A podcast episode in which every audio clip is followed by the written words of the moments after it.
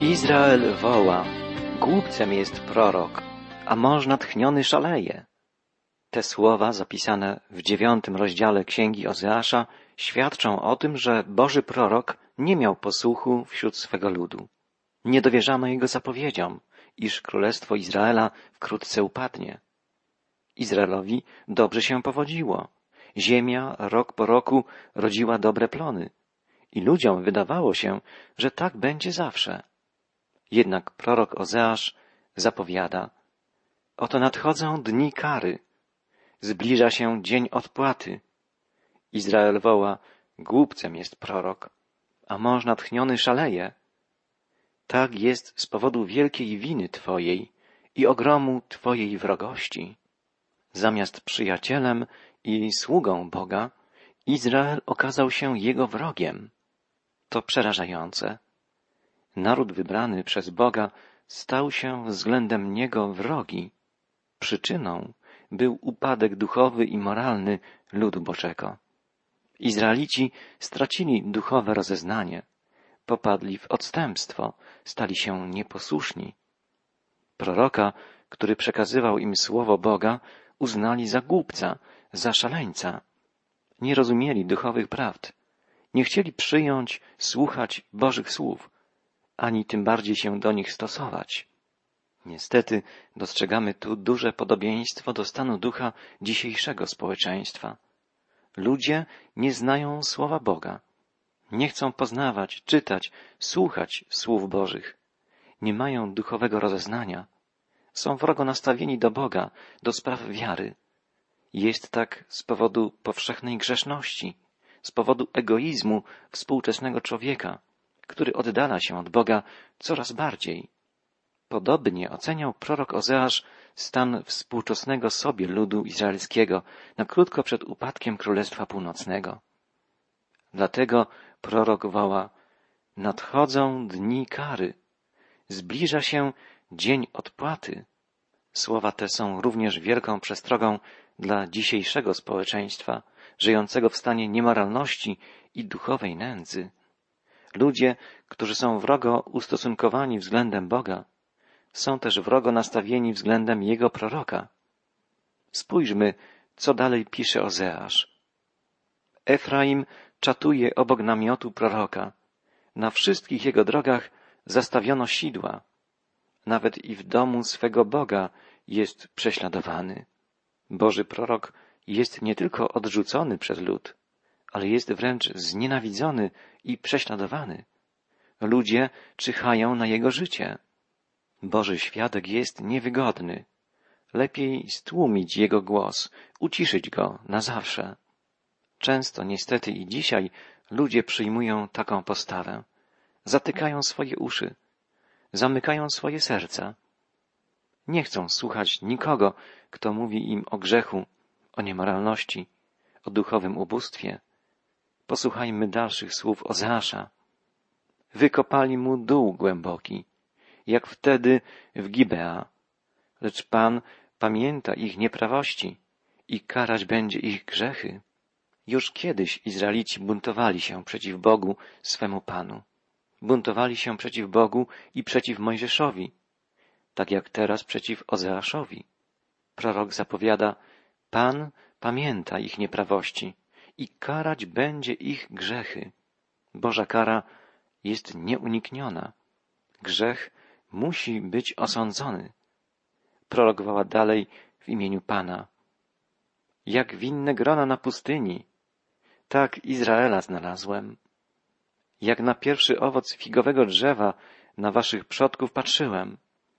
Lecz przyszli do Baal Peor i oddali się hańbie i stali się wstrętni, jak to, co ukochali. Krzew winny i drzewo figowe to biblijne symbole narodu izraelskiego. Poprzez usta proroka Bóg przypomina o swej miłości do Izraela, o tym, jak troszczył się o ten lud i wprowadził go do ziemi obiecanej. Jednak jeszcze zanim się to stało, pod koniec długiej wędrówki przez pustynię, Izraelici osiedli na jakiś czas w ziemi Moabitów i tam oddawali cześć pogańskiemu bożkowi, Baalowi. Czytamy o tym w Księdze Liczb, czyli w czwartej Księdze Pięcioksięgu Mojżeszowego. Gdy Izrael osiadł w Shittim, zaczął uprawiać nierząd z Moabitkami. Zapraszały one lud na rzeźne ofiary swoich bogów, a lud jadł i oddawał pokłony ich bogom. Izrael sprzęgnął się z Baal Peorem. Wtedy Pan rozgniewał się na Izraela. Boży prorok przypomina to wydarzenie, gdyż Izraelici w północnym królestwie postępowali teraz podobnie, tak jak ich przodkowie za dni Mojżesza. Oddawali cześć pogańskiemu bóstwu, uprawiali nierząd kultowy.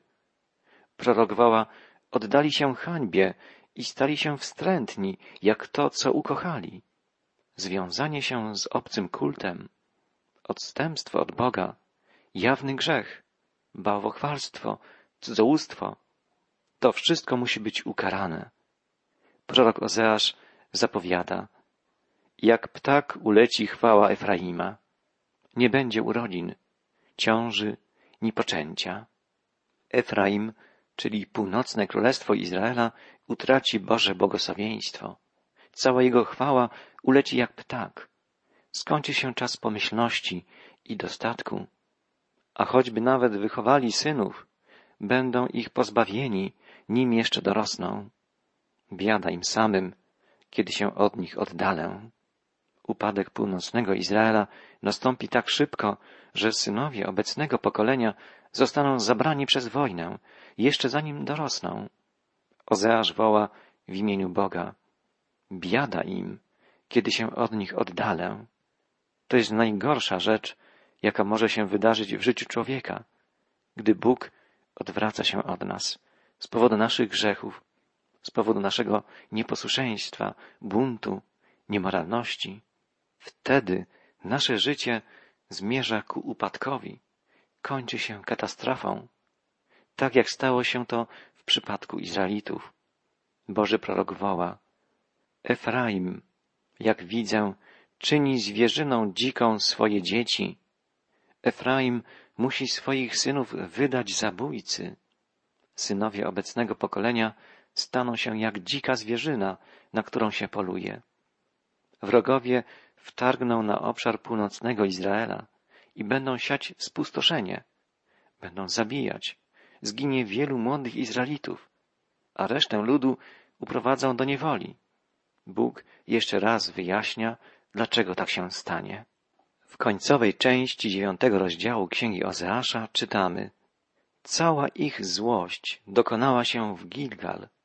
Tam też zacząłem ich nawiedzać z powodu czynów nieprawych. Wyrzucę ich z mego domu. Nie będę ich więcej miłował. Wszyscy ich książęta są buntownikami. Nieszczęście rozpoczęło się w Gilgal. Co się tam wydarzyło? Otóż w Gilgal lud izraelski dokonał wyboru swego pierwszego króla, Saula. Wtedy to Samuel, prorok, kapłan i sędzia Izraela, ustanowił Saula królem, choć uczynił to niechętnie, na wyraźne żądanie ludu. Samuel, jako Boży prorok, wiedział, że królem Izraela pragnie być sam Pan, żywy Bóg. Ale lud izraelski, oddalając się od Boga, brnąc w grzechu, nie rozumiał wspaniałego Bożego zamiaru i chciał mieć ziemskiego króla, podobnie jak inne narody. W pierwszej księdze Samuela czytamy w dwunastym rozdziale o tym, jak Boży prorok przekonywał Izraelitów, by nie wybierali sobie króla. Samuel mówił, wołacie, niech król panuje nad nami, a przecież Pan, Bóg wasz, jest waszym królem. I Boży prorok dodał, Poznacie i zobaczycie, jak wielkie zło popełniliście w oczach Pana, domagając się króla. Samuel wyraźnie apelował do Izraelitów, by nie wybierali sobie ziemskiego króla. Mieli być jedynym narodem na ziemi, rządzonym i kierowanym bezpośrednio przez samego żywego Boga. Oni jednak upali się, by Samuel namaścił im króla. I prorok uczynił to, mówiąc jednak wyraźnie, iż żądając króla, popełniają zło. Wszystko to działo się w czasie żniw i Samuel zapowiedział, że sam Pan potwierdzi słuszność Jego słów, zsyłając deszcze i burze. Rzeczywiście, Bóg zesłał w tym dniu grzmoty i deszcz. I cały lud bał się bardzo Pana i Samuela. Rzekł więc cały lud do Samuela, módl się za swymi sługami do Pana, Boga swego, abyśmy nie pomarli, gdyż do wszystkich naszych grzechów dodaliśmy jeszcze i to zło, że chcieliśmy mieć króla. Wtedy odpowiedział Samuel ludowi, nie bójcie się. Wprawdzie popełniliście wszystko to zło, lecz przynajmniej nie odstępujcie od Pana, ale służcie Mu z całego swego serca.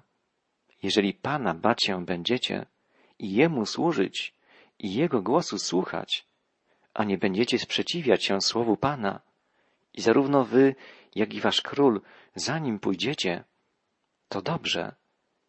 Ale jeżeli nie będziecie słuchać głosu Pana i będziecie się sprzeciwiać słowu Pana, ręka pańska będzie przeciwko wam i przeciwko królowi waszemu, aby was zgubić.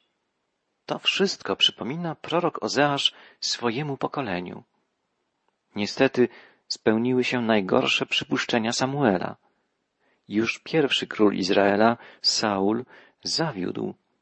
Nawet Dawid i Salomon nie ustrzegli się poważnych błędów. A potem nastąpił rozłam na dwa królestwa i władcy Izraela, zwłaszcza na północy, oddalili się od Boga. Postępowali źle, nikczemnie, niemoralnie, a za ich przykładem szedł cały lud. Skończyło się upadkiem północnego królestwa, a potem także królestwa południowego, judzkiego. Dokonał się Boży sąd nad Izraelem, który nastąpił w konsekwencji duchowego odstępstwa narodu wybranego. A całe zło rozpoczęło się już w Gilgal, gdy lud izraelski zażądał króla, co świadczyło o niezrozumieniu Bożych planów, świadczyło o odrzuceniu Bożej wizji dla Izraela. Dlatego prorok Ozeasz woła, cała ich złość dokonała się w Gilgal. Tam też zacząłem ich nawiedzać z powodu czynów nieprawych. Wyrzucę ich z mego domu. Nie będę ich więcej miłował. Wszyscy ich książęta są buntownikami. Wyrzucę ich z mego domu. Nie będę ich więcej miłował. Te słowa są wstrząsające, jeśli weźmiemy pod uwagę, że wypowiada je Bóg do wybranego przez siebie narodu. Ale jest to konsekwencja nieposłuszeństwa, buntu ludu izraelskiego przeciw żywemu Bogu. Prorok Ozeasz woła w imieniu Pana. Efraim powalony na ziemię, wyschły jego korzenie. Nie przynoszą już więcej owocu, a nawet gdy porodzą, ja sprawię, że umrze drogi owoc ich łona.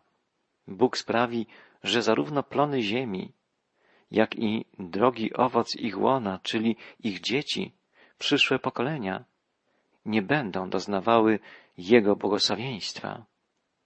Prorokowała na koniec, mój Bóg ich odrzuci, gdyż Go nie słuchali. Błąkać się będą między narodami. Bóg ich odrzuci. Będą błąkać się między narodami. Te słowa brzmią jak wyrok i trzeba podkreślić, że owo proroctwo wypełniło się i stale widoczne są tego efekty. Izraelici żyją w rozproszeniu. Przez całe wieki nie mieli własnej ojczyzny. Dopiero w drugiej połowie XX wieku powstało niepodległe państwo Izrael i wolno, ale stale postępuje powrót narodu wybranego do ojczyzny. Bóg wprawdzie ukarał Izraela z powodu jego nieposłuszeństwa, jego odstępstwa, ale nie odrzucił swego ludu na wieki. Przecież prorok Ozeasz już wcześniej wołał i poślubię cię sobie znowu na wieki. Poślubię przez sprawiedliwość i prawo, przez miłość i miłosierdzie. Poślubię cię sobie przez wierność, a poznasz Pana. Z tak wielką miłością Bóg poprzez proroka mówi o przywróceniu do łask Izraela, porównując wspólnotę ludu wybranego do ukochanej małżonki. Ozeasz zapowiedział też, zamiast ich nazywać lud nie mój. Będą im mówić dzieci żyjącego Boga. Wszyscy inni prorocy biblijni zapowiadają powrót Izraela do łask Bożych. Na przykład Izajasz woła i stanie się w dniach ostatecznych, że góra ze świątynią Pana będzie stać mocno jak najwyższa z gór i będzie wyniesiona ponad pagórki, a tłumnie będą do niej zdążać wszystkie narody. Powrót Izraelitów do ojczyzny wielkie przebudzenie duchowe wśród narodu wybranego stanie się u kresu czasów wielkim błogosławieństwem dla wszystkich narodów. Dzisiaj rozpoznajemy wiele znaków, iż czas ten nie jest odległy. Jednym z ważnych znaków jest rosnąca liczba wspólnot Żydów mesjanicznych, to znaczy tych, którzy rozpoznają w Jezusie swego Mesjasza. Przytoczę tu jedną z autentycznych historii opisanych w książce pod tytułem Gdy Żydzi spotykają Mesjasza. Jest to świadectwo wiary rabina Ashera Lewiego. Opowiada on, byłem rabinem przez trzydzieści pięć lat. Urodziłem się w Jugosławii i wychowywałem w ortodoksyjnej rodzinie żydowskiej. Nauczono mnie odmawiać modlitwy, nosić odpowiedni strój, jak przystało na pobożnego Żyda. Gdy miałem piętnaście lat, poszedłem do szkoły teologicznej dla rabinów, gdzie studiowałem Stary Testament i komentarze talmudyczne. Sześć lat później zostałem ordynowany na rabina w Rumunii. Potem pracowałem w Belgii, w Anglii i w Stanach Zjednoczonych. Z pozoru byłem szczęśliwy, bo w pracy wiodło mi się dobrze, ale wewnętrznie cierpiałem z powodu pustki, jaką odczuwałem w życiu. Wreszcie spotkałem pewnego Żyda, któremu zwierzyłem się z moich problemów, nie wiedząc, że on wierzy w Jezusa jako Mesjasza. Jego rada brzmiała następująco. Przeczytaj pięćdziesiąty trzeci rozdział Księgi Izajasza. Gdy przeczytałem ten znany rozdział, który, jak później uwierzyłem, dotyczy Jezusa z Nazaretu, nie mogłem oprzeć się pokusie, by dalej studiować Pismo Święte, gdzie znalazłem następujące słowa proroka.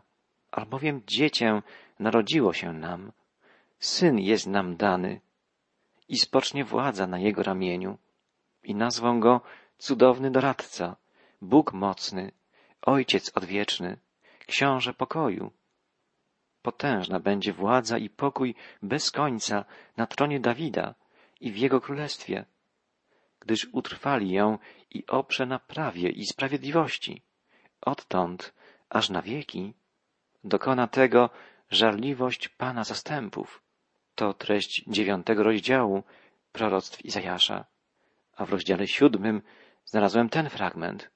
Słuchajcie, domu Dawidowy, czy mało wam tego, że nużycie ludzi, to jeszcze mojego Boga nużycie? Dlatego sam Pan da wam znak. Oto Pan napocznie i porodzi syna i nazwie go imieniem Immanuel.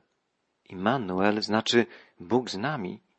Wszystkie te fragmenty stanowiły dla mnie wystarczający dowód, że Jezus był i jest Mesjaszem, w którym wypełniły się wszystkie proroctwa zawarte w pismach. Znalazłem również jasny opis Mesjasza zawarty w małej książeczce, która trafiła wtedy w moje ręce, a było to moje pierwsze spotkanie z Nowym Testamentem. Zacząłem go czytać tak, jak się czyta każdą inną książkę, od początku. Rodowód Jezusa Chrystusa, syna Dawidowego, syna Abrahamowego. Ze zdumieniem odkryłem, że czytam żydowską książkę o życiu Żyda.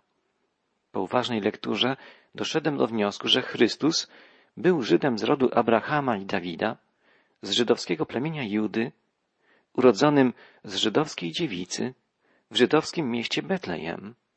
Ponieważ Jezus znał prawo i proroków, dokładnie śledziłem jego kroki w czasie wędrówki przez Ziemię Świętą. Słuchałem pięknych przypowieści i nauk. Obserwowałem i zachwycałem się jego współczuciem oraz cudami, których dokonywał. Historie te stały się moim duchowym pokarmem. Obietnica przebaczenia grzechów i życia wiecznego, jaką on dał, pociągnęła mnie tak bardzo, że zaufałem mu jako mojemu Mesjaszowi i osobistemu Zbawicielowi.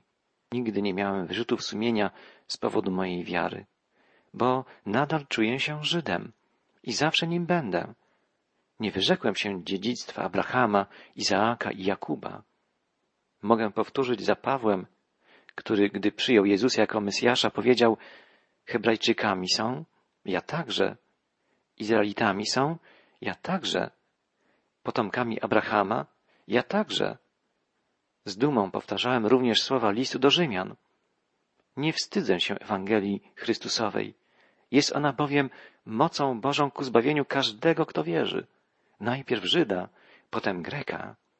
Wspaniały przykład apostoła Pawła bardzo mi zaimponował i dodał odwagi, żebym zaakceptował Jezusa jako Mesjasza. Paweł, pierwszy gorliwy prześladowca Jezusa, stał się potem jego najwierniejszym naśladowcą i sługą. Był uczniem wielkiego znawcy prawa, Gamaliela. Jest to możliwe, że Gamaliel został naśladowcą Chrystusa także. Może nawet zanim uczynił to Paweł. Biblia mówi, że byli tacy, którzy chcieli zabić Piotra i innych apostołów, bo tak odważnie głosili oni Chrystusa. Minęło już dwa tysiące lat, odkąd skromny Galilejczyk, Jezus, przeszedł z górza i doliny Palestyny, a jednak to On wciąż jest Panem całego świata. Dobra nowina i imię Jezusa jako Mesjasza Izraela jest ciągle zwiastowane, a przesłanie na nowo powtarzane. Albowiem tak Bóg umiłował świat, że Syna swego jednorodzonego dał, aby każdy, kto weń wierzy, nie zginął, ale miał żywot wieczny. Drogi przyjacielu, módlmy się o naszych starszych biblijnych braci. Bóg ukarał ich surowo za bunt, za nieposłuszeństwo, ale okaże im swoje miłosierdzie, przywróci do łask i będzie to znakiem dopełnienia się Jego zbawczych planów. Będzie to wielkim błogosławieństwem dla wszystkich narodów, dla wszystkich Bożych dzieci.